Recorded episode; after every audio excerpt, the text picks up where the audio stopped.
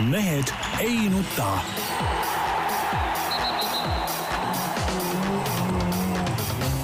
mehed ei nuta.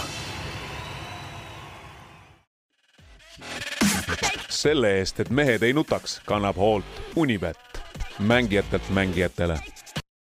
tere teisipäeva, Mehed ei nuta eetris, aga ennem kui ma inimesi siin tutvustama hakkan, küsin ikkagi Tarmolt, kas oled kindel, et kõik funkab ja kõik töötab ja kõik salvestab, muidu me peame uuesti ette lugema siin oma no, nimed ja numbrid.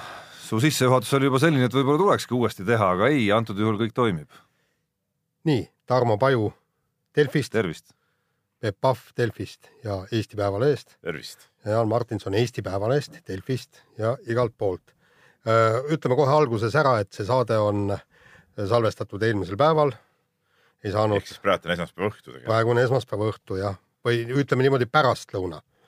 ja meil on siin euronoor Tarmo, ei saa kahjuks homme meil saates osaleda, siis tulime talle vastu ja teeme siis täna saate nagu ära, vanad mehed siin vanad mehed jah, neil on uneaeg tegelikult juba. ja tegelikult on ja ei, mina lähen kontsertile kohe ja Arvo Pärti kuulama ja Peep ei taha kahjuks tulla. see on muidugi nii õudne, et mul on Jaanist väga kahju, et ta peab siukest muusikat kuulama, aga mind ootab bossitrenni, et paneme kohe nagu nüüd tempot juurde. jugama nii-öelda. paneme jugama. nii. Poliitika. on, ei ole, ma ei tea, mul on viimasel ajal niivõrd palju tegemist, ma ei jõua jälgida, vaadata ja ega väga kotti ka. ega siin poliitikas väga palju vist ei toimu ka, siin mingid kohalikud valimised on, aga, aga ma ütlen, sellest on, see inimesed nagu valesti aru saanud, et see ei ole nagu nagu see, me ei vali siin mingit parlamenti või me siin ei, ei reasta selle, nende valimistega mingit erakonna populaarsust, need on kohalikud valimised.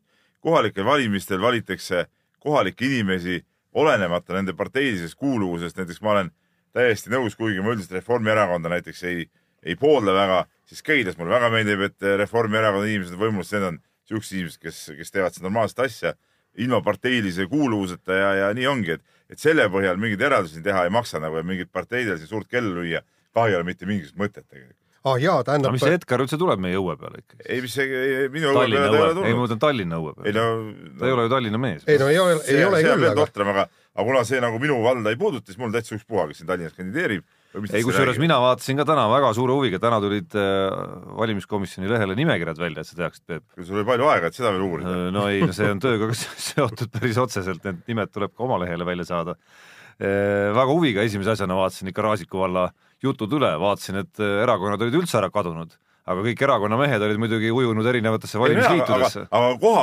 kohalike valimiste ei valita erakondade järgi, mitte keegi ei vali era, erakonna kuuluvuse järgi. oota, kuule, Peep, tee mulle selgeks, tuleb mingisugune valimi, valimisliit, keelab, keerab teil seal vallas kõik asjad peesse ja pühib käed puhtaks, kaob minema ja nemad ei tea midagi, ei vastuta millegi. aga kui tuleb mingi erakond ja keerab peesse. no aga siis sa vähemalt tead, kes keeras konkreetselt. ma tean neid inimesi, ma tean nagunii ju, kes keerasid ju. selles ongi see kohalike omavalitsuste ja suure Äh, Riigikogu valimiste, valimiste vahe ongi see, et ma tean igal juhul, kes need kohalikud vennad on, selles ongi. no jaa, see on juhul, kui on kohalikud. tegelikult on, oled sa kindel, et, et sul ei ole kuskilt mingit Tallinnast, Pärnust või ma ei tea, Kükametsast? olen.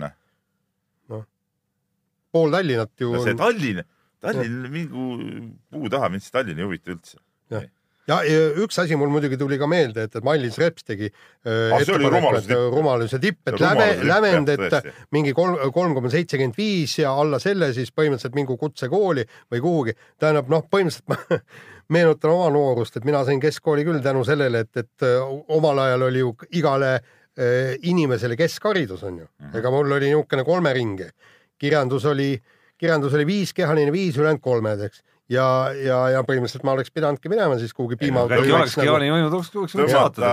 tõmmata põhikooli lõpu järel nagu mingid siuksed piirid vahele, see on totter. ja, ja kusjuures muide no,. mind, mind, vabandust, mind tegelikult kõige rohkem häirib selle juures see, et äh, koolide hinded on ju erinevad siiski, et no, noh, ma arvan, et reaalkooli kolm koma seitsekümmend viis versus noh, suvaline kool väljaspool Tallinnat, ma arvan mõnes maakohas on ikka väga erinev tegelikult. ja, ja, ja õpetajad hindavad erinevalt ja koolide tase on ka selles mõttes erinev. ja tahaksin märkida, et, et keskkooli ma lõpetasin peaaegu neljade viitega, üks kolm oli sees. nii et. eriti poistel teeb, see ja no ja ongi nii. poisid hakkavadki alles hiljem neid asju seal vaatama. nii, aga mis me nüüd kütame spordiga edasi, aitab sellest poliitikast, nii ja no kohe tuleb kas kiita või mis, aga Kaia Kanepi, kokkuvõttes kiita, et imeteekond USA öö, lahtistel tennise meistrivõistlustel lõppes veerandfinaalis. et öö, tore, ütleme niimoodi, et, et keegi poleks tegelikult uskunud, et poole aastaga öö, Kaia niivõrd heasse vormi tõuseb ja, ja ta mängis ju ka väga-väga tragilt ja aga paraku veerandfinaalis ikkagi Madison Keys tagus ta küllaltki maa sisse ära. et natuke nagu, no natuke oli karta seda, selles mõttes, et Kaia ikkagi ju teekond veerandfinaalini seal sellisel tasemel mängijaid ikkagi ees ei olnud ja, ja nüüd see, mida ta kohtas seal, Madison Keys jõudis finaali ka lõpuks, oli selline väike pilguheit ka natukene sellesse, et, et milline seal päris tipus ikkagi ilm praegu on. ta on ise olnud ära sealt paar aastat nüüd, aga, aga selline tase on seal tipus praegu, kus A igaüks esi kahekümnest võib vabalt jõuda suvalisel turniiril, suure slam'i turniiril finaali ja, ja teiseks väga-väga ründavaks on läinud, me oleme harjunud, Kaia Kanepi on selline vastaste nagu äralööja. nüüd löödi teda ennast. eks see Jaan nii, nii-öelda tennisespetsid ongi meil rääkinud sellest, kuidas naiste tennis on läinud väga jõuliseks ja, ja võimsaks ja eks see, see pilt avanes ka sellelt turniirilt selgelt, et selles suhtes Tarmol oli, oli muidugi tuline õigus, et, nii ongi. Noh. võidab see ikkagi, kes kes suudab ära taguda, et niisama tagajoone peal seal neid palle tagasi ajada, et sedasi tänapäeval enam ei, võida neid mänge. no pluss üks asi on see löögi tugevus ja teine on nagu, kui me võitjat vaatame, siis seal mängis ikkagi nagu selline muu füüsis rolli ehk siis liikumine ja see, kui kiiresti sa suudad kaitsest pallid ära tuua. eurospordi kommentaatorid Sloan Stephensi nagu liikumise peale ikka ahetasid põhimõtteliselt nii palju matši, kui mina nägin, vähemalt paari matši. no tähendab, kui me juba sinna eh, Stevensini jõudsime, siis eh, tema ju käis täpselt samasugust teed pidi kui Kaia Kanepi. jaanuaris oli äh, jalalõikus, praktiliselt kolm äh, nädalat või mis kolm kuud pidi karkudega käima, ei saanud trenni teha. ta oli ka enne seda oli ikkagi maailma kolmekümnes, neljakümnes mängija. ta oli ju äh, kaks tuhat kolmteist oli parimal edetabeli kohal ehk siis üheteistkümnendal, sealt tuli langus ja kogu aeg siksis seal niimoodi, ütleme kahekümnenda, neljakümnenda koha vahel, eks. ja nüüd järsku tuli ja lammutas ja võitis kogu selle US Openi ära. ja, ja, ja vot siin ongi see, et, et mis natukene äh, tuska teeb, on see, et Kaia Kanep on ju, nüüd oli vist kuues kord oli veerandfinaalis ja põhimõtteliselt ühe veerandfinaali on ta suutnud mängida tõesti niimoodi, et ta võiks selle võita. Peter Kvitov vastu, kes ei olnud tol turniiril asetatud mängija küll aga kõik ülejäänud veerandfinaalid on ta asetatud mängija vastu endast edetabeli koha järgi kõrgema mängijaga mänginud ja kõik on null kaks siiski eh, nii tappa saanud, selge, selgelt kaotused. aga muidugi, mis selle Stevensi juurde veel kuulub, täna eh, hakkasin natukene uurima, selgub, et, tegelikult ta on nii eh, üks, üks mitmekülgsemaid mängijaid üldse maailmas. tõesti, seal oli kaitse väga hea, tal olid väga tugevad närvid. ma hakkasin täna äh, lugema mis kirjutati pärast poolfinaali ja seal öeldi, et ikka seal, seal oli meeletu, ta äh, servis oli, mm, serv oli sada üksteist miili tunnis, suutis servida. noh, enam-vähem teise, teisaldada, eks. üheksakümmend kuus miili tunnis on eestkäsi, ehk siis ta, ta on tugevam ka kui Murry'l, eks. ja, ja, ja, ja niisugune see tänapäeva tennis ongi üliagressiivne ja meeletu jõuga palli tagumine aga noh, nende võrdlus nüüd päris üks-ühele muidugi ei päde, Kaia ja ja Sloan Stevens. on noorem, teine vanem. üks on kaheksa aastat vanem kui teine loomulikult, ehk siis kahekümne neljaselt tulla sellistest vigastustest välja on kindlasti. jaa, aga ütleme, see tabelis üles ronimine on, nagu, ikkagi sama. on ikkagi teine asi kui see, mis ütleme olukorras, kus sa sisimas peaaegu oled karjääri lõpetanud juba, et kui Kaial äh, noh, ma arvan, Stevensil ei olnud kordagi kahtluse all, et ta tuleb sellest tagasi ja, ja noh, ta kibeleski tagasi nii-öelda kogu aeg, Kaia pigem vaatas ja ootas ja siis äkitselt vaatas, et tervis läks paremaks, et proovin veel. ja noh, teine asi on Stevensi saavutused ka enne vigastust on muidugi on vähe nagu särtsakamad siiski. vähe ka ei ole, ei oot-oot, kus ta, kus ta nii no, väga särtsakam kaks tuhat kolmteist Austraalia Openi poolfinalist. üks, üks poolfinaal ja üks veerandfinaal. maailma edetabelis tema tippkoht minu arust oli kõrgemal seal. ei, ma ütlesin, ma ütlesingi üksteist, aga see oli kaks, kaks tuhat kolmteist. tähendab, ütleme siis, kui ta nüüd üksteist kuud kestvale vigastuspausile läks, siis ta oligi maailma niisugune kolmekümnes, neljakümnes number, mis on. ehk siis meie tüdrukute tase. meie tüdrukute tase, täpselt jah. nii ongi aga, aga lihtsalt noh, juhtus olevat tema äh, turniir nagu, nagu see Läti tüdruk, eks, Ostapenko. rääkisin ka siin meie tenniseekspertidega, ta ütles, et lihtsalt tal juhtus oleva üks, üks niisugune kahenädalane periood, kui kõik löögid läksid sisse. järgnevatel turniiridel seda õnne tal ei ole olnud. ja tema võitis ära Prantsuse lahtist.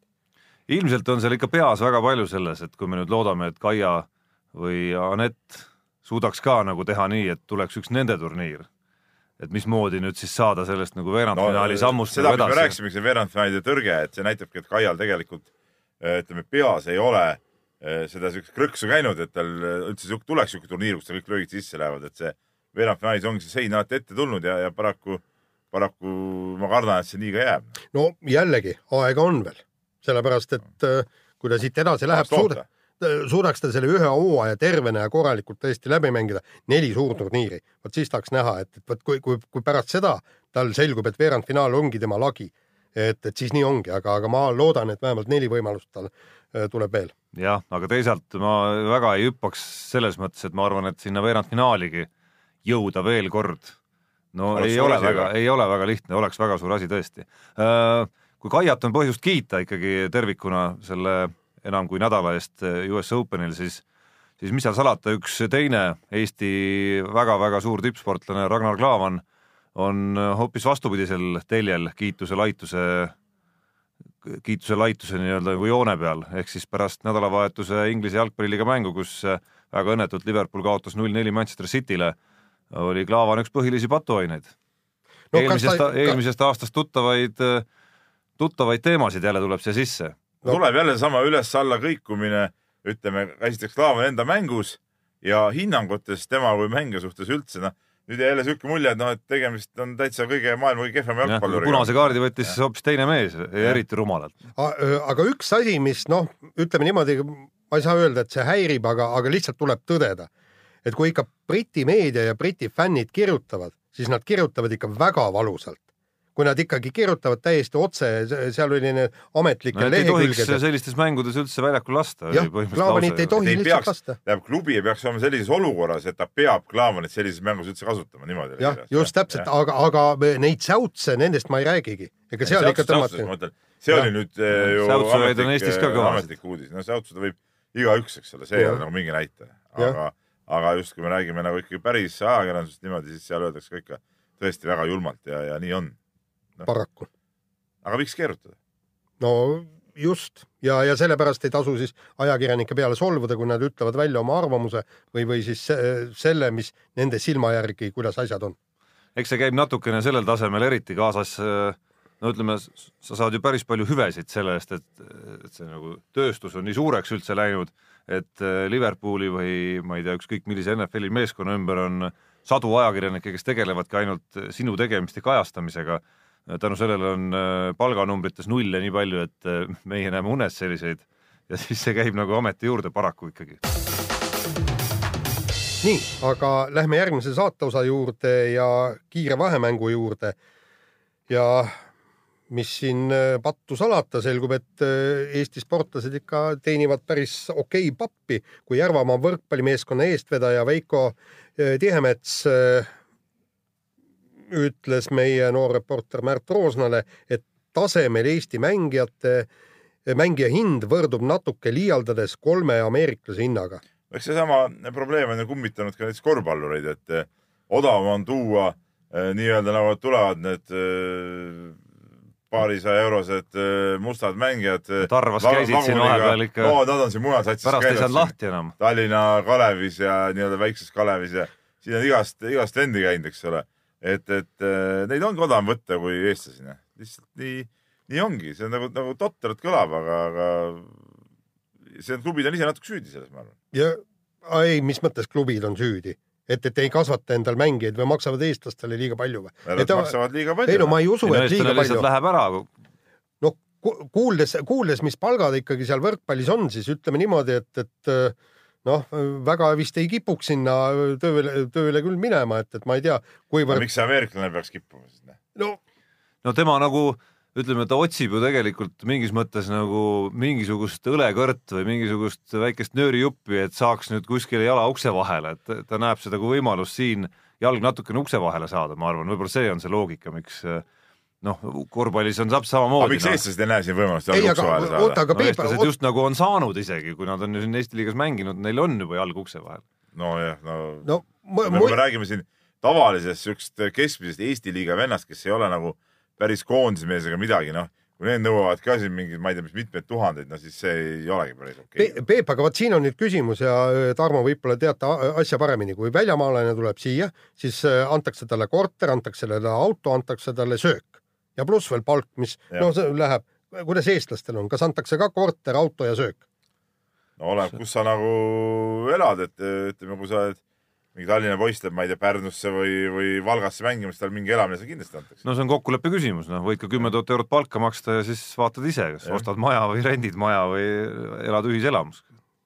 No jaa, aga vaevalt, et meie mehed saavad kümme tuhat, võib-olla seal jutt käib tegelikult tuhandest, pooleteist tuhandest, kus tuleb veel maksud ka ära maksta. ja, ja no ma mäletan Valmo Kriisa, kes kunagi ju mängis Tarvas ja ise elas Tartus edasi, sõitis ja. seal põhimõtteliselt Tartu ja Rakvere vahet kogu aeg. no vot. et noh, kokkuleppe küsimus aga vahetame teemat ja korvpalli kaude puudutasime juba, puudutame ka edasi. sündis Guinessi rekord pühapäeval SEB Tallinna maratonil. Martti Medar läbis maratoni korvpalli põrgatades ajaga kolm viiskümmend neli kuusteist. no ütleme niimoodi, et, et saaks selle ajaga ilma korvpallita kirja kuidagimoodi, siis, siis oleks ise väga õnnelik. ma saan aru, mehel käed olid verised suurest põrgatamisest. see on jah kummaline, et, et käed ikka nii läbi võtab see korvpallipall teadupärast eh, ei ole ilmselt, noh, tal on ilmselt õuepall kaasas, mis on teose nakiline, eks ole, see, see ei ole nagu nii pehme ja see hakkab käte peal lõpuks kindlasti. ja, aga ütleme niimoodi, kui sa, kui sa niimoodi pidevalt hommikust õhtuni pall näpus jooksed, ega sinust saab ikka päris hea põrgata küll.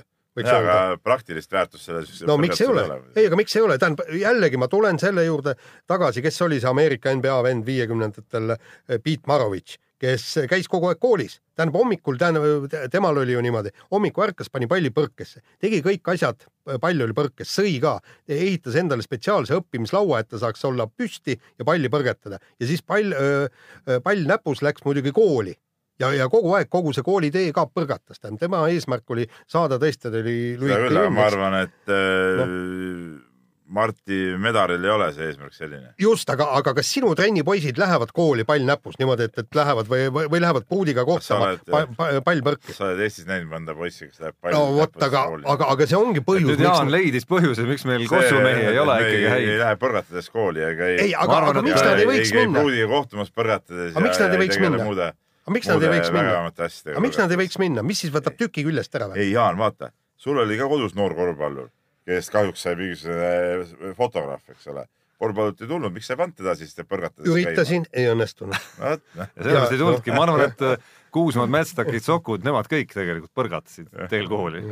see on väga hea. nii, aga maratoniga läheme edasi ja, ja oh seda kiunu, vingu ja hädaldamist, mis tuli, tuli siis eile sotsiaalmeediast ja igalt poolt, et küll on ikka paha lugu, et siin joostakse ja teed on kinni ja ma ei saa kodunt välja ja ja no nagu, nagu inimesed oleks elanud mingisuguses mutimulla augus kuskil, ei ole nad kuulnud mitte midagi sellest, et maraton tuleb, ei ole näinud silte, et teed on kinni, mitte midagi pole näinud. ja just sellel päeval ka meie noorkolleeg Madis Kalvet hakkas mingit soga ajama, kuidas tal oli tarvis ehituspoodi autoga sõita ja ei saanud aiast korralikult välja, et no, no tead, puhake jalga ausalt vennad, noh, see on, see on nii totter vigin, et, et siin ei ole isegi midagi kommenteerida kusjuures ma ei saagi aru, kuidas ei ole silte, tähendab, mina liigun hoopis teise, teisel marsruudil ja seal olid ka vist mingid jooksud siin Gonsiori tänava ümbruses. kõik oli täpselt äh, sildid, need, need tänavad või mis asjad iganes on kinni nendel, nendel kuupäevadel seoses Tallinna maratoniga. kolmas asi oli see, et loomulikult ma vaatasin ka trassi üle ja siis nii kui öeldi näiteks, et meil hakkab see, mis asi see on, see eurojuhtide kogunemine, mis eesistumine, mis iganes, eks loomulikult vaatasin, vaatasin kohe, et, et kus tänavad on kinni, et, et kus seal võivad ummikud tekkida ja kõik. no issand jumal no,. igal pool no, maailma suurlinnades mina... peetakse maratone, eks ole, asju. no ei ole kuskil mingit häda ja nüüd ma ei tea, Monacos peetakse vormelietapp, et terve linn on kinni, tead. noh mis no, nüüd on siis nüüd, ei saa nüüd olla natuke või? ma arvan, et meist kolmest mitte keegi muidugi ei äh, käinud Kalamajas või seal piirkonnas sellel päeval, et ega me keegi täpselt ei tea, kuidas see teavitus seal nüüd oli see, et äh, igal pool see toimub, probleemi ei ole, ei tähenda seda, et võib-olla oligi probleem ikkagi. no selles mõttes, et teavitusega inimesed reaalselt ei teavitusega, igalt poolt, kes läbi, maraton tuleb, uuri välja siis, mis toimub. no esiteks oli esimest korda uus marsruut, eks ole, et see puudutas nii-öelda uusi tänavaid, mida see varem mina, ei olnud puudutanud. isegi mina, keda see üldse see jooks ei puudutanud, ka vaatasin, ikka huvitav vaadata, kus see marsruut läheb no ma ei tea, ühest küljest on muidugi kui Madis, kui meie noorkooli, oota, oota, ühest küljest on nii, muidu, muidugi inimesed kiunuvad üle, see on nagu täitsa selge igal juhul. isegi kui, isegi kui oleks teavitus olnud super, ikka leiduks väga paljusid, sest mäletate viimastel aastatel, kui marsruut ikkagi on läinud siit nii-öelda Pirita suunas, eks ole, noh, alati on olnud neid, neid on alati. Aga mul on miskipärast tunne, et siin oli nagu enamat natuke peidus, et siit, siin oleks võinud nagu ikkagi linn ja võib-olla korraldaja ka vähe paremini. nojah, aga meie noor reporter Karvet ju tunnistas ka ausalt, et ah, ma siin eelmisel päeval läksin jala, mina ei näinud neid silte, ei viitsinud vaadatagi, mis seal on ja noh, siis ongi, siis ma ütlesin, ega siis oledki seal oma selles korteris tead noh. aga siit moraal, ärge elage linnas üldse. linn ongi maratonijooksuks, tead, mitte elamine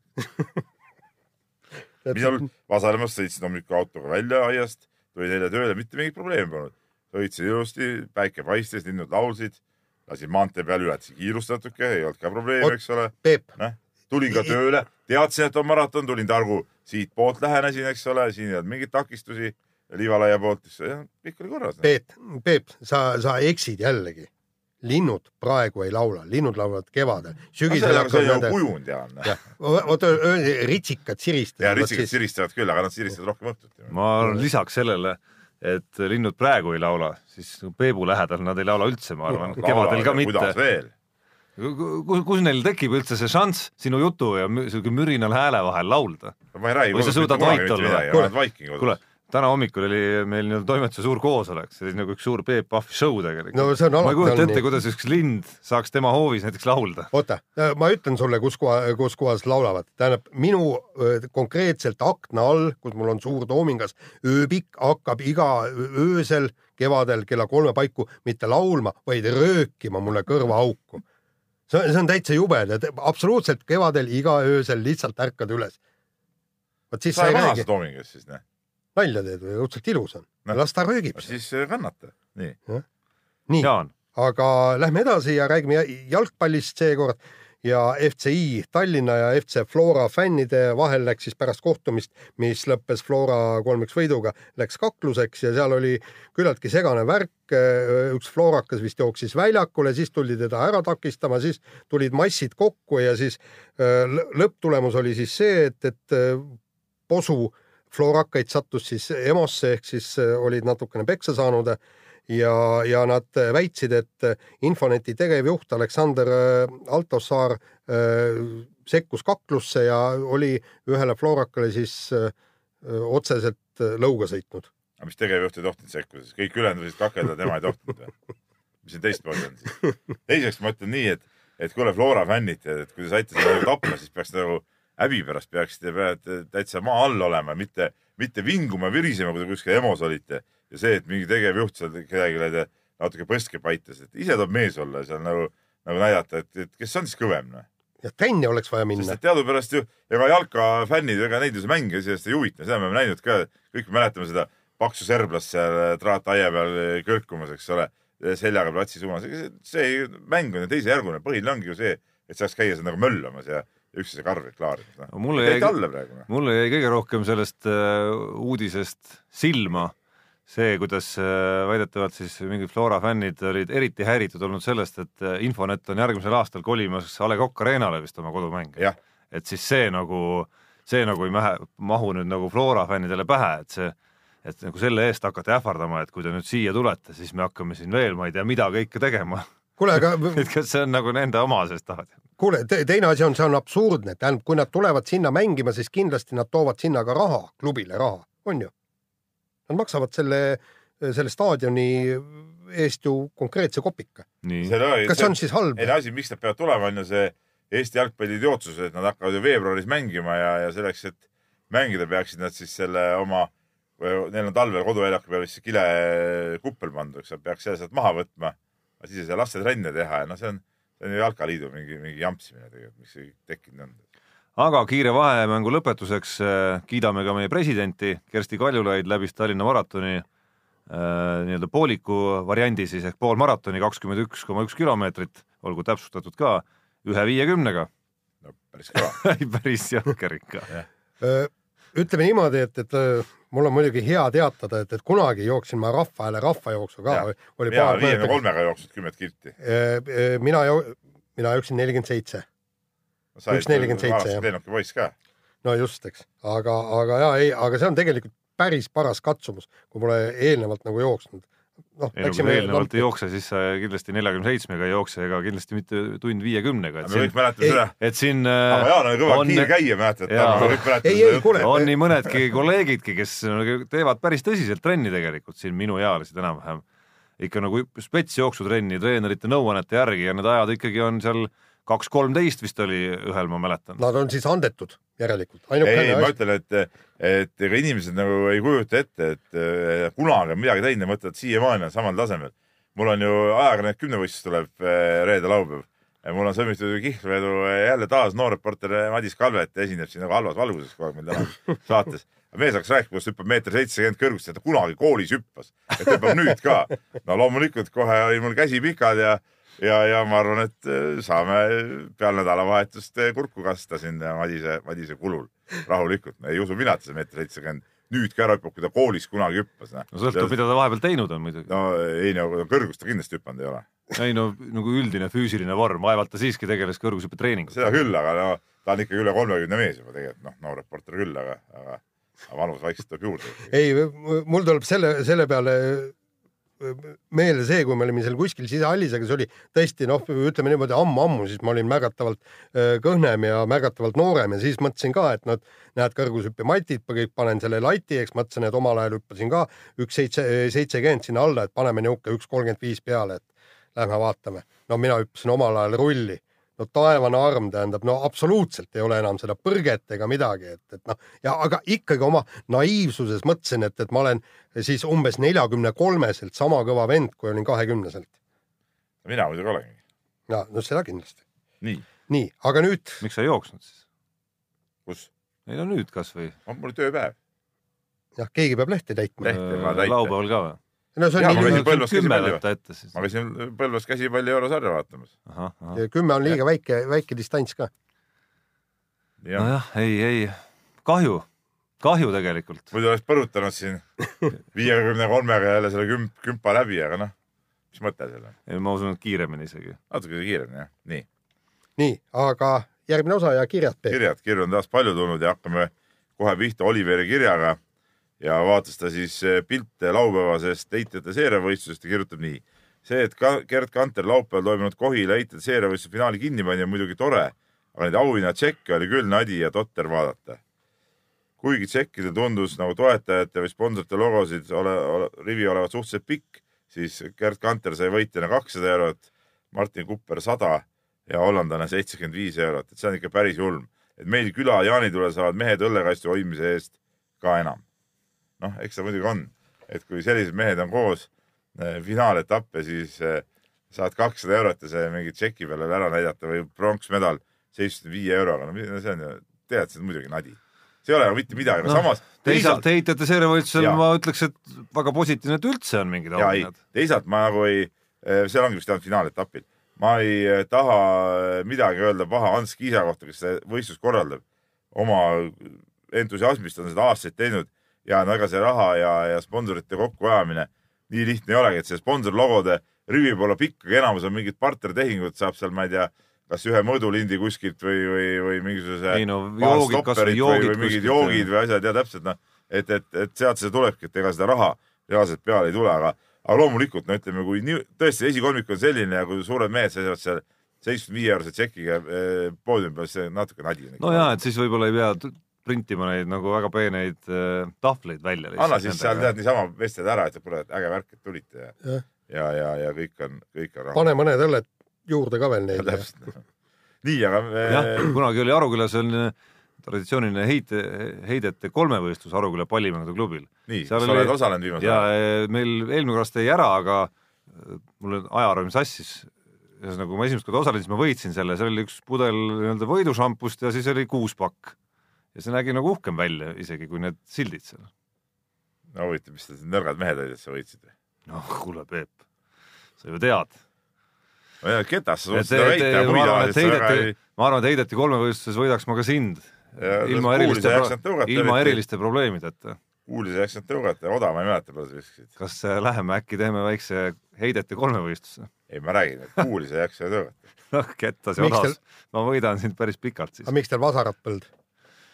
Masarat ei olnud jah. no vot. Kets väga pikalt ei võitnud muidugi. mõne meetriga. No, Lähme teeme ära. praegu ma pole, ma arvan Ketast ma ka ei ole ei no ma ei ole kindlasti kauem hoidnud kui sina. nii, aga lähme kirjadega edasi ja meie vana sõber Ants on kirjutanud meile, saame siin sarjata eelmises saates äh, räägitud eest, kui me rääkisime siin jalgpallist ja Ants kirjutab siis nii, et jalgpalli te kahjuks vaatate ikka liiga vähe, äh, sest hinnangud äh, sellele ei ole, ei ole adekvaatsed. Et siis nüüd pöörab minu poole, et Peep rääkis seda, et Klaavan ei ole loovmängija, siis ta väidab, et vale on küll loovmängija, et, et lihtsalt ta ei paista nii palju silma ja, ja tema ülesanne ei ole luua võimalusi ründajatele, eks ole. nii, siis Jaani, Jaan saab siin ka sarjata, et Jaan ütles, et et meil oleme sellised loovad mängijad nagu Ooper, Andres Ooper, ka see on vale, sest ka Andres Ooper ei olnud loovmängija, ütleb, kirjutab Ants siis meile, et eh, ta oli suurepärane, suurepärane realiseerija, tal oli hiigav kiirus, eriti stardikiirus ja selle poolest võiks ta olla lausa maailma tasemel, aga ise olukordi ta ei tekitanud. vot, et eh, mis me siis ütleme, et eh, me ei jaga jalgpalli siis, Jaane no tuhka no, pähe ja. tuhka pähe ja noh, absoluutselt, ega ta, ta, ega ta öö, nii on, et, et ega, ega sinna jalgpalli tõesti liiga sügavalt ei süüvi, aga, aga. eks see, eks see loovusjutt on natukene noh, väike nagu närimine ka selles mõttes, et jutu point ei olnud ainult loovuses ikkagi, et sul ongi vaja nagu nii ooperisuguseid realiseerijaid kui ka sinna ümber siis mehi, kes suudavad üldse olukorda tekitada, et, et realiseerija saaks neid hakata realiseerima. ja mida sa loovuseks ja meil pead... on praegu nagu noh, ütleme hetkeseisuga on probleem ikkagi nagu äh, nagu igas selles lülis. absoluutselt. jah, ja ütleme tõesti, ooper Zelinski oli väga hea paar, et, et seal, kui ikka ka ooper andis head söödud Zelinskile või vastupidi, see, see on ju loovus, et sa ei lähe siin lolli mängima, vaid äh, annad ikka palli vastase või no,. seda muidugi, Mats oma kirjas ka ütleb, et ega, ega meil loovaid mängijaid iseenesest nagu, nagu ei olegi ei olegi palju, seest on meil kahe sõrmede jagu nii-öelda lõhkuvaid äh, mängijaid, eks ole Äh, aga loovates mängudes ongi olnud Klaavan ja Vassiljev, ütleb siis Ants oma kirjas. Noh, nagu sõjaväes öeldi, lamatnistroid. jah, ei no minu arust nagu lõhkumine, kõige tähtsam jalgpallis ongi ju keskväljal nagu vastaste mängu lõhkuda, see on põhiline. no sellega sa väravaid ei löö ju. nojaa, aga no betoonkaitse. no ja null-null no., me arvutasime välja, valiksarjas kümme mängu, kõik mängid null-null, mitte kuhugi ei jõua. seda küll, aga vaata siis ikka tekib seal mingi variant no ei lõud teki nii, ju. lõhud nii kõvasti, et korraks vastane nagu murdub ka. no Kreeka vastu oli null-null, kuus, kuus mees. nii, aga lähme kirjadega edasi ja, ja Taavi kirjutab ja, ja Taavi siin vaatab korvpalli usinasti ja, ja kirjutab nii, et kuidas kommenteeriks eh, sõltumatu ajakirjanik korvpalliliidu tööd, et põnevaid korvpalli EM-mängud jõuavad ainult valitud seltskonnani. et eh, peaksime, noh, meie siis nagu peaksime Taavi arvates korvpalliliitu nahutama, eh, mitme kiit-, mitte kiitma neid põnevaid mänge et äh, asi selles, et äh, ilmselt nagu ma saan aru, näide on toodud siis jalgpallis, kus äh, no Poolak ostis on, on ikkagi kõik, kõik ikkagi, vägevad mängud ja, ja kõik on ERR-is, kõik on tasuta nähtav. aga korvpalli ju tegelikult, olgem ausad, see on nagu probleem küll, et äh, ainult äh, raske raha eest saab vaadata. väga raske. see pakett vist ikka maksab midagi. no mõned eurod kuus, jah ma ei tea, mina pidin selle nagu juurde võtma, ei tea, mõned eurod, võta ju rohkem ikka. no mis ta on, kuus või seitse eurot siiski no,, ma arvan, on no, see spordipakett seal no,. aga mõnel inimesel. ja see ei ole ainult korvpalli jaoks siiski. no mida sa veel vaatad? ei no sa vaatad seal, ma ei tea, vormel ühte või, või äh, jalgpalli meistrite liigat. mina ei saa ka sellest aru, kui spordisõbral Viasa sportpallikut kodus ei ole, see tundub nagu nonsenss. meil siin mõned kolleegidki siin sporditoimetuses ütlevad, neil kodus ei ole, aga see on minu arust ajuvaba, see on nagu töövahend, eks ole, peaks igal juhul olema olemas. aga, aga, aga tervikuna on ta muidugi õigus, jälle ikkagi EM väga oluline asi, võiks olla ETV-s.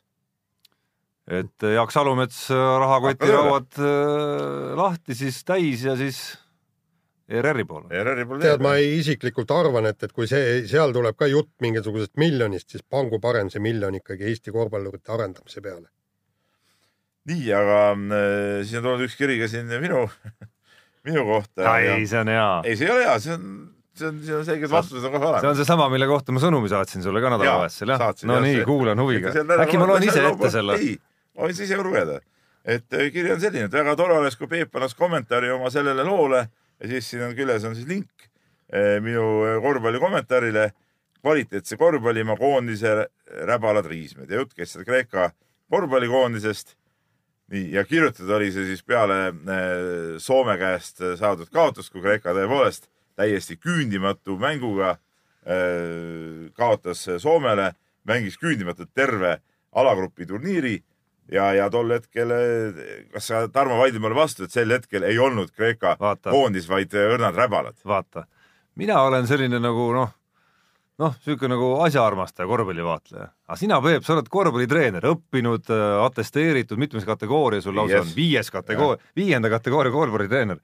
Sina peaks ikka nägema nagu puude taga metsa, sina peaks nägema ikkagi seda, et need on ajutised raskused, seal on tegelikult mehed, sloukased, kalatased, kes kindlasti löövad veel nii-öelda nagu õide sellel turniiril. aga seda ma kirjutasin. kõike nagu aga kui sa seda nüüd meenutad seda, seda, selle kommentaari lõppu, siis seal oligi, et see oli kirjutatud enne seda Poola mängu, et kui tahad edasi saada, siis peab selles mängus eh, peavad leiduma liidrid, kes hakkavad vedama, seal No, olid needsamad kui, need, kui. needsamad mehed olid seal välja toodud, sloukased ja asjad, nii et eh, selles suhtes kõik oli õige ja tegelikult, tegelikult nad ka ju Poola vastu esimese poole mängisid väga mannetult.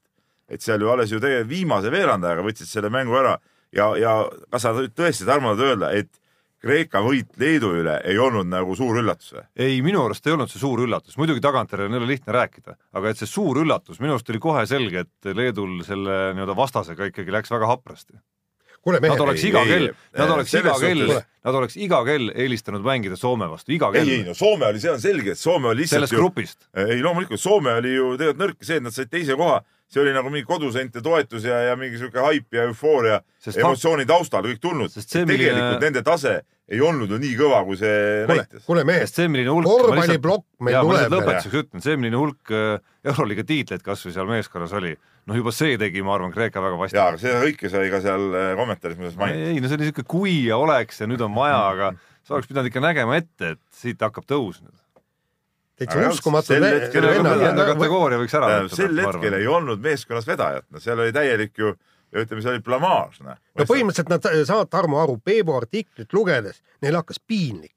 ja mõtlesid tõesti., võttis kokku ennast, noh. jah, ma arvan, et Kostas Missas, nende peatreener, printis selle välja, pani riietusruumi seinale. ja nii on, vaadake vaadake, mis arvab kuulus vaataja isiklikult. ja nii ongi. viienda kategooria vaatleja. viies kategooria, Slovkas vaatas, küsis, kes see pah-, viies kategooria või? oh sa Fifth grade oh., oh really? nii on, nii kuule, lähme nüüd Lähme teemadega teemadega edasi, korvpallikirjadest kiirelt üle. nii, Eesti maratonimeister nüüd siinsamas Tallinna maratonil äh, kulla kaela saanud Argo äh, Jõesoo ei ole väga rahul sellega, et, et siia komandeeritakse Keenia jooksjaid, kes panevad selle maratoni kinni, jooksevad äh, kaks null üheksa ehk siis nii kiiresti nagu mitte kunagi Eestis pole varem joostud ja kaks väidetavalt null üheksa oli ikka täitsa metsik.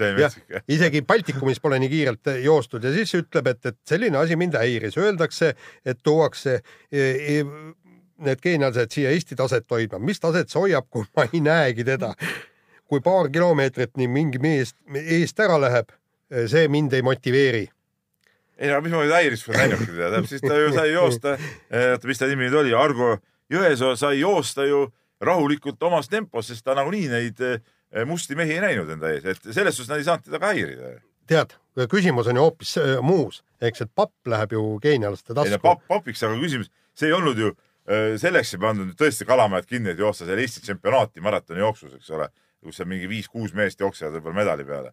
see, see ei olnud nagu see üritus, et, et püüa nüüd aru saada, Argo, eks ole, see oli nagu ikkagi nagu linnamaraton, mille raames anti välja ka Eesti me- meistrivõistluste medalid, eks ole. linnamaraton, kus tegelikult tahaks veel rohkem näha tahaks veel rohkem neid tippjooksjaid, ma ei tahaks ainult neid Keenia mehi, ma loodaks ka mõni etiooplane vahest tuleks, mõni Burundia mees ja mis iganes vennad see kõik on ja, ja veel rohkem, eks ole, ja nii ongi. aga siis võib-olla vaata äh, oleks nagu lihtsam joosta ka, et siis oleks see, see paremate meeste rivi oleks nagu ühtlasem, siis sa võib-olla näeks ka mõnda, suudaks ise ka selle võrra kiiremini joosta, nagu jänes oleks silme ees. ja teine asi on ju see- et, et me oleme kogu aeg ju vaadanud, eks, et kui on siin Berliini maratonid, Londoni maratonid, Bostoni maratonid, et milliseid aegu seal ikkagi joostakse. ja nüüd järgmine kord, andke andeks, kui tuleb see Tallinna maraton, võtan ma selle stardinimekirja näpuga öö, lahti ja vaatan, et kuulge, äkki saab äkki kaks null kaheksaga joosta. et äkki öö, see, see asi muutub ka öö, publiku jaoks öö, põnevamaks. ega seal Berliinis ka vist need sakslased tavaliselt ei ole võitnud. ja minu ei meelest no jah. üheski, ühelgi nendest suurtest linnamaratonidest ei, ei, ei ole võitjad, no enamasti ei ole nagu kodumaised siiski. aga, aga selles mõttes,, nende võitjate kodumaal tavaliselt maratone ei korraldata lihtsalt Aju- üks, üks üks, mida võib-olla tahaks näha, kuigi noh, ega poolmaraton ei ole ju üldse mitte nagu vähem tähtis, aga, aga noh, Tiidrek Nurme ja Roman Fosti ju mõlemad jooksid poolmaratoni, et et võib-olla, et nemad jookseksid ka seda nagu peadistantsi ikkagi seal. ma saan aru, et see ei mahu võib-olla nende plaanidesse. see kaks null üheksa oleks ka nendele ju ei, absoluutselt, absoluutselt. selles on siis asi ei no kaks null üheksa on Raivo, aga seal oli paar venda veel. seal vahepeal käis seda küll. seal kahe kuskil seitsmeteistkümne või kolmeteistkümne või kuskil seal. ei, äge, kui keegi meil siin kaks null üheksa jookseb, võimas. Nii, nii, aga vahetame teemat, läheme oma lemmikala jalgpalli juurde ja üks uus moodustis on tekkimas rahvusvahelises jalgpallis, see on siis äh, jalgpalli Nations League ehk Rahvuste Liiga, äh, liiga, mille nii-öelda, mis sätitakse kalendrisse siis nendesse akendesse, kus praegu mängitakse sõprusmänge, enamasti vähemalt ma olen aru saanud niimoodi, ja kus hakatakse selleks, et nii-öelda oleks kaalul ka rohkem, hakatakse siis äh, andma välja ka Euroopa meistrivõistluste pääsmeid. ja mis tähendab siis seda, et, et satsid jaotatakse nelja erinevasse tugevusgruppi ja nüüd läheb asi huvitavaks. viimane võit Küprosele Eesti jalgpallikoondisel tähendas seda, et suure tõenäosusega me tõusime neljandast grupist kolmandasse mis tähendab, et selle kolmanda, seda kolmandat gruppi on meil oluliselt raskem võita, kui oleks olnud neljandat, mille võit omakorda annaks pääsme kaks tuhat kakskümmend EM-ile. nii et Gibraltarile tuleks nüüd kaotada meelega, on moraal, ma saan aru. jätame need matemaatilised äh, arvutused ja, ja spekulatsioonid minu arust nagu, nagu sinna paika ja ütleme lihtsalt ära, see on debiilsus kuubis. mis asi? see on niisugune süsteem, et mingisugused, mingi üheksandast tugevast grupist pääseb võistkond EM-finaalturniirile. esiteks neljandast, aga mitte üheksandast. seda küll, see jääb sama välja. see on, see on, see on täitsa haige. ütleme siiamaani jalgpall oli nagu ainus, kes suutis nagu mingeid adekvaatseid äh, võistlussüsteeme hoida. Äh, kõik oli nagu loogiline ja lihtne. nüüd tehakse mingi selline asi, siis nad, nad on ka nagu lolliks läinud, ütleme. ütleme korvpallis äh, Fiba, no need ammu, ammu no opakad, eks ole, seal ei ole mingit adekvaatsest süsteemist ei ole mõtet rääkidagi. võrkpallurid ka kogu aeg midagi mängivad, kogu aeg midagi taovad seal ei saa keegi enam ka aru, mis, mis parajasti pooleli on või mis käib, eks ole. no käsipallurid mängivad ka nii, et praegu mängivad mingi kahe tuhande kahekümne kaheksanda aasta EM-i mingit eelseitsmendat ringi juba, eks ole, ka jama. Nüüd jalgpall jääb ka niisuguse asja peale, no see on, see on totter. ma ütlen sulle, teisest küljest minu arust on nad äh, nagu päris kõva asja ära teinud või tegemas, et kusjuures võrreldes just nende samade kaostega, mis on korvpallis või, või võrkpallis, kus. kui ummamudude grupis saab võistkond edasi. ei, ei, aga teisalt, kui sa vaatad korvpalli siis seal nii-öelda neid ummamuudu satse, neid ei taheta nagu üldse lasta nagu tippudega kokku seal tahetakse koondised nagu üldse suruda kuskile nagu ma ei tea, kuhu no, ära. ka ei ole ummamuudud mängivad omavahel. klubid ja mängivad omavahel küll, aga nad on valmis võtma sealt ummamuudude grupist isegi ühe satsi ja laskma ta finaalturniirile. mis mõte sellel on? mis mõte sellel on, see on ju nõrgem võistkond kui kui sealt tugevamast grupist mõni jääb välja, see on ju lollus ju. et seal nendes, seal ei selgu ju parim. ma arvan, et nendes ummamuudu riikides on see ikka väga suur asi, et nagu nii-öelda Euroopa kui terviku jalgpalli nagu arendamise ei, mingi nagu asjot-, oot, oota, mingi asiotaaži tekitamise mõttes on see väga kõva sõna nende jaoks kindlasti. tähendab, sportlik printsiip puudub igasugune seesama hea, kui omal ajal Kossu MM-ile osteti neid, neid. see on äh, oluliselt pääs... kõvam printsiip kui ole. see ostmine või see, mis ei võrkpallis ole. toimub, et ahah, kuule Itaalia hakkab välja kukkuma, äh, teeme süsteemi ümber kähku, et Itaalia oleks sees ja, ikkagi. aga ma ütlen, et see on jama.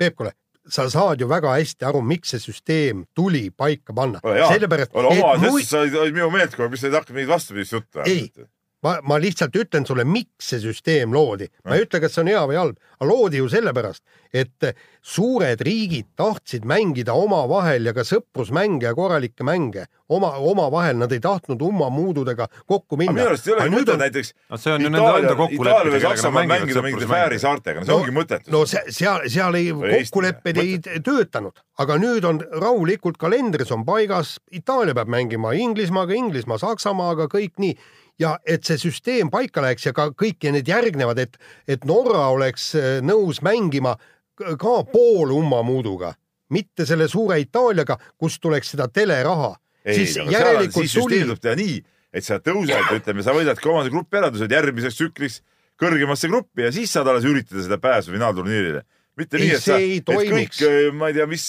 mängivad omavahel Fääri saared, äh, ma ei tea, Gibraltar ja veel keegi seal ja siis sealt võita saab no, finaalturniirile, see on jama. suures osas genereerib see kindlasti, genereerib see raha ja tähelepanu kõvasti juurde sõprusmängudele muidugi, sest seal on reaalselt kaalul nüüd midagi no,. sõprusmängud, mis seni olid selline noh, on ja ei ole ka, on äkitselt nagu, on äkitselt tähtsad mängud. Need ei olegi sõprusmängud no,. ei olegi, seda ma räägin. see on valikturniir. no just no., selles mõttes on kõva jaa, aga see, ma räägin, seal puudub sportlik printsiip.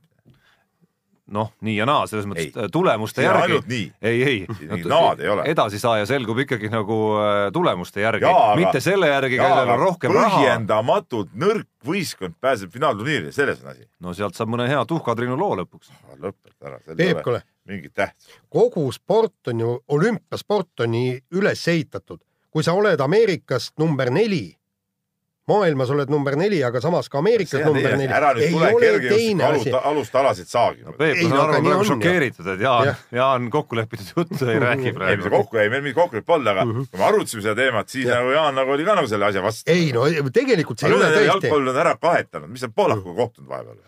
ei, ei, aga ei, süsteem on nagu on ja järelikult no tuleb on, mängida. on totter. ja mind need mängud ei huvita, mängivad mingit kaerajaanidega, saavad edasi, siis ma ma isegi ei saada siit eh, eh, päevalehest ei lähe isegi nagu reporterid. et kui nad niipidi saavad, siis siis ei lähe jah. aga Riiga ikkagi otsustasite minna korvpalli korvpalli kajastama, kui Eesti sai ka, ütleme sinna ikkagi Kas- nagu natukene teist teed kaudu, kui teised ise satsid käisid, Tarmo seal? käisin küll mina ei ole. aga sa otsustasid tee minna. no siis sa ei olnud ju meie väljaandeski. aga siis ma polnud siukest lubadust ka andnud. mina ei ole üldse sellist lubadust andnud, mina läksin rahuliku südamega Riiga. Aga sina, ma saan aru, oli- selgrootuks oled see oli muutunud üks imelik süsteem korvpallis, ei saa salata.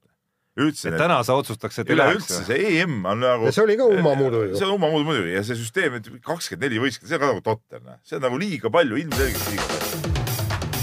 nii, aga lähmegi vist korvpalli juurde nüüd. no natuke kiidunurgas markeerime veel ära, et tundub, et kohalikud jalgpalli meistrivõistlused hakkavad, hakkavad ikkagi nagu gaas hakkab peale saama või nii nagu kunagi iirlased ütlesid, kui käisid siin äh, otsustavates mängudes Eestit noh, ütleme just võitmas siis äh, pärast esimest mängu, et äh, et kotisuu, kass on kotis, aga kotisuu ei ole veel kinni, et noh, Floral hakkab see kotisuu ka kinni minema ikkagi vaikselt.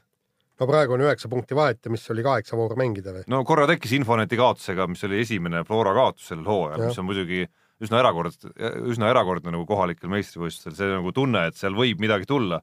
Aga nüüd, kui Levadia ja Kalju mängisid viiki ka veel omavahel ehk kaks punkti läks mõlemal kaotsi, siis väga nagu ei paista, kalender on ka Floral selline, kus, kus nagu väga palju karisid enam ei ole tee peal. nii et medal on kaelas ja hurraa. ja head tööd on teinud, noh. no muidugi, ja vaata, kuidas sealt on esile tõusnud kas või sama viimase mängu, koondise mängu kangelane Joonas Tamm näiteks, keda Vipers on siin Eesti liiga parimaks kaitsjaks nimetanud lausa. kõva kangelane. no, No- no tema vahetusest tuli, tema võttis selle palli maha, mille Mattias Käit sisse lõi. no just ja ei, ta oli kõva jah. nii, aga mehed nüüd korvpalli EM ja, ja, ja rääkige nüüd, kuidas ikkagi niimoodi on, et, et Leedu, Prantsusmaa välja langenud, Saksamaa võidab prantslasi. Leedu vist täna no, pihta sellest, et nad valisid endale ikkagi natuke kehva peatreeneri, ma arvan. tundus kuidagi ikka, see vend ei vedanud välja ja, kõik see, need kaotusjärgsed need vabandavad jutud, kus ta võtab kõik enda peale, see on ka siuke pehmo, pehmo värk nagu tead noh. ja ta natuke oli vaata siuke, kui sa Tarmo panid ka tähele, kuidagi mingi siuke natuke ärev oli, see võttis peast kinni ja no mingid siuksed märgid olid nagu, et ta kehakeel ei olnud ka nii-öelda nagu siuke enesekindel ja, ja meeskonda juhtiv, et et ma No nagu väidetavalt- imestasin, et ta üldse nagu sinna siis peatreeneriks sai. jah, no väidetavalt ta ei olnud ka esimene valik sellele kohale, et et seal oleks Et parema meelega nähtud Jassike- Joonas Kozlovskast jätkamas või, või Jassikevitš. Šarunas Jassikevitšust jaa, aga Jassikevitšus ise noh, ilmselt veel ei tahtnud. Aga noh, mis puudutab Prantsusmaad, siis seal on see treeneri küsimus minu arust nagu eriti ilmekas veel. mina ausalt öeldes ei olegi aru saanud, miks Vincent Collet on nii kaua, miks teda on nagu nii kaua hoitud tegelikult Prantsusmaa koondise ta viis eesotsas ka nad ma Euroopa meistritiitlini No- aga see oli juba, mis see on siis no viis jaa, aga noh, see oli sats, kus ma ütleks, Tony Parker viis selle meeskonna selle tiitlini. see oli ka Boris Dio oli parimates vormides ja nii edasi. et ma nägin ühte hästi veidrat, et minu arust, minu arust Prantsusmaa esiteks ei ole sellel, on ikkagi kogu sellel Tony Parkeri ajastul minu arust nagu ikkagi nagu mänginud alla oma võimet, et see, et sellel satsil on kogu aeg olnud potentsiaali rohkem ikkagi, kui enamikel turniiridel on välja tulnud.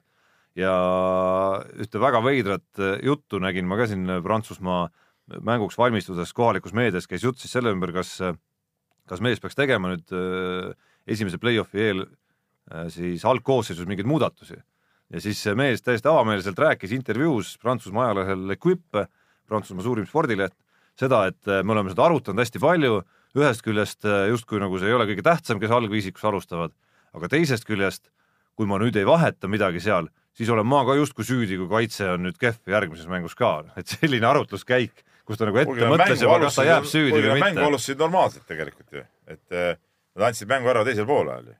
Et, et no. aga no just see arutluskäik, kus ta nagu enda ei, süüd vaagis ette juba, et kui ma teen ja, nii, siis ma äkki ei ole süüdi või ma mingi selline aga olgem ausad, EM-il peeti nii Leedut kui Prantsusmaad ikkagi medalisoosikute hulka kuuluvateks võistkondadeks. seda tuli, see tuli eh, mitmed neid eh, kohti ma vaatasin, kus olid ka välja toodud või võimalikud tabelid ja, ja igal pool olid need olemas, noh. mis siin salata, sa ka ise välja pakkusid ikkagi nad sinna etteotsa. ja tegelikult Leedu eh, selles suhtes jälle, Leedu alustas küll klassiti, ma nägin päris palju, ma ju olin ju Londonis kergejõustik MM-il mu kõrval istusid Leedu ajakirjanikud tribüüni peal ja nad ju kogu aeg vaatasid neid kontrollmänge, nii et ma seal nägin päris palju seekord Leedu mänge, mida teie siin kindlasti näinud ei ole. ja, ja mul poiss oli samal ajal ka Leedus laagris ja ka tema vaatas seal palju ja meil on omavahel juttu olnud ja, ja, ja Leedu oli tõesti kontrollmängudes ka hästi vilets tegelikult. ja seesama äh, pilt oli ka äh, selle Gruusiaga mängus. aga siis nad läksid kogu aeg aina paremaks ja mõtlesin, et noh, et, et kõik lähebki nagu alati, et nad mäng mängult ju kerivad ennast üles ja, ja seal ju mingid ka suvalised pingimehed tulid ja tegid ja, ja tundus, et kõik läheb nagu hästi.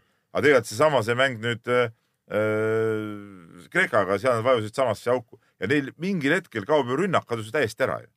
nii aga... kontrollmängudes kui ka nendes nüüd selles kahes EM-i kaotusmängus, see rünnak läheb lihtsalt nagu, mingit mõtestatust ei ole, noh, lihtsalt äh, plõmmitakse kas peale, mäng seisab, äh, midagi ei toimu. aga noh, objektiivselt võttes eks see on ikka hea, hea ebavedamine ka, et sa Kreekaga lähed kokku, kes seni nii-öelda mängis alla oma võimete kõvasti ja meeskond, kus tegelikult noh, on teada. mängis alla oma võimet ja kas panid tähele, ennistasin küll, pani puid alla. ei, ma panen puid edasi alla, sina, sinusugune ekspert, viies kategooria, oleks pidanud aru saama, et see kõik muutub nüüd seal oli, see oli ikka Oota, väga karva aga, peal, et see ei oleks jah, muutunud, seal tul... oli ühes veerandas oli kinni kõik. ja, ja aga no viies kategooria ikkagi. mul, mul pole ühtegi kategooriat. kuule, kuule mehed, tehke aga, aga mis on nagu ikkagi hakkas silma, Soomest me juba rääkisime, Soomest ei ole mõtet rääkida, see oligi lihtsalt nagu emotsiooni sihuke sihuke hetke, kõrghetke kodus panidki kõvasti. aga seda on nagu arvata, kui nad lähevad mujale mängima no. see oli suur ja, võimalus ja, kodus ja, mängimisel ja. ikkagi, et selles mõttes.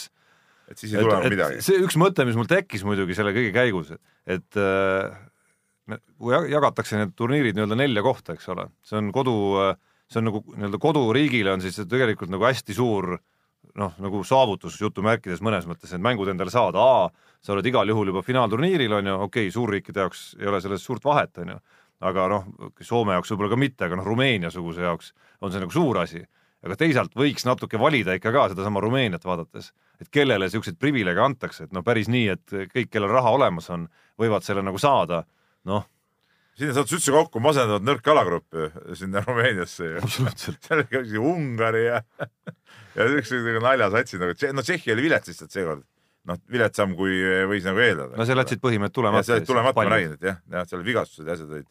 aga et noh, seal mingi selektsioon võiks nagu olla, et mitte nii, et okei okay,, raha on olemas, siis davai, teeme ära. aga no, aga mis me siin kirume, räägime ikka nagu ilusatest asjadest, ilusad asjad on ikkagi Läti. olnud Läti, äh, Läti mängud ja see, äh, kuidas nad ikkagi pühapäeval siis veerandfinaalis selle, selle show nagu püsti panid, see oli ikkagi ka nagu vaimustav tegelikult.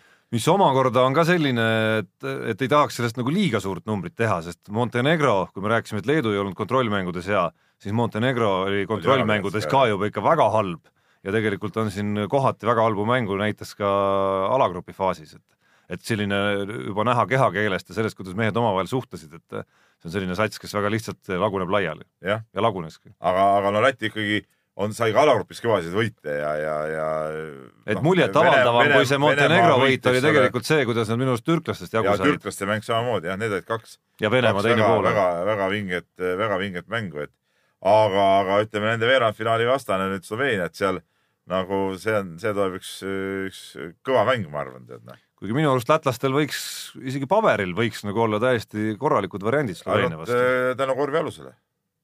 jah, ei no pluss, pluss ka tagaliinis. tagaliinis on rohkem mehi. on neil rohkem selle Aga, tasemel mehi. Äh, üks asi, äh, Läti tagaliini mängijad on kaitses nõrgad. kui sa vaatad, noh, sa oled ka palju Euroliigat vaadanud, Tarmo, et ei ole ei Bertants ega Strelneks ei ole siuksed mehed, keda ütleme ka lõpuminut tihtipeale võetakse kaitsest välja hoopis, eks ole. ja pandakse teised mehed seal sisse, nemad käivad seal rünnakuid eh, lahendamas. et, et see võib olla äh, murekoht seda, aga vastupidi jälle, kui võtad äh, Sloveenia, siis näiteks Dontšis oli ju siuke vend, kes Euroliigas võttis ka päris häid vastast eh, viskajaid maha, nii et, et seal noh, kuigi ei ole ka tema ega ta mingi kuru ei ole aga, aga ta oma pikkusega suudab seal, ütleme, lühemaid tagamängijaid päris hästi katta tegelikult. ja, ja aga, aga, aga põhikoht on ikkagi see, et, et esiteks Läti pink on pikem ja, ja, ja ega Sloveenial ei ole head varianti Borsingise vastu, et ainult kui nad eh, Randolfi panevad ta peale, mina näen ainult seda see ongi vist variant. et see on ainuke variant, eks ole. nii, aga siis eh, noh, ikkagi Borsingis peaks olema osavam, tugevam seal, ma arvan. nii, aga mehed, rääkige nüüd lühidalt ja täpselt, kes tuleb Euroopa meistriks, kes mängivad finaalis?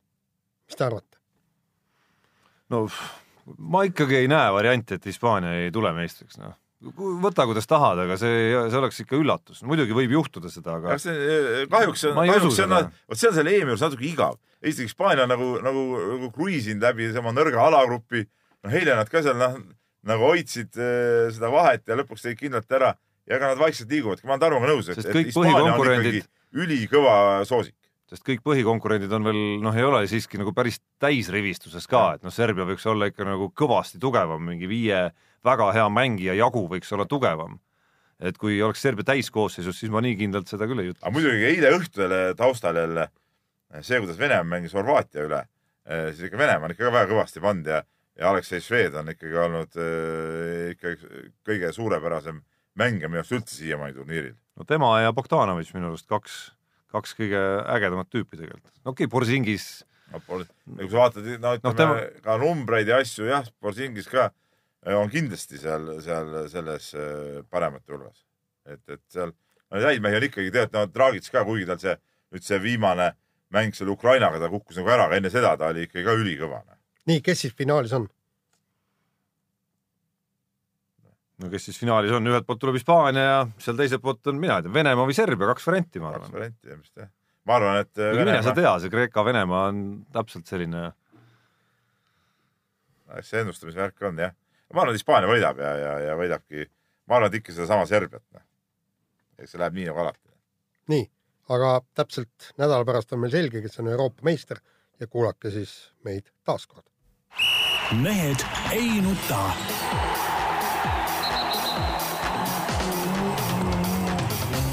Mehed ei nuta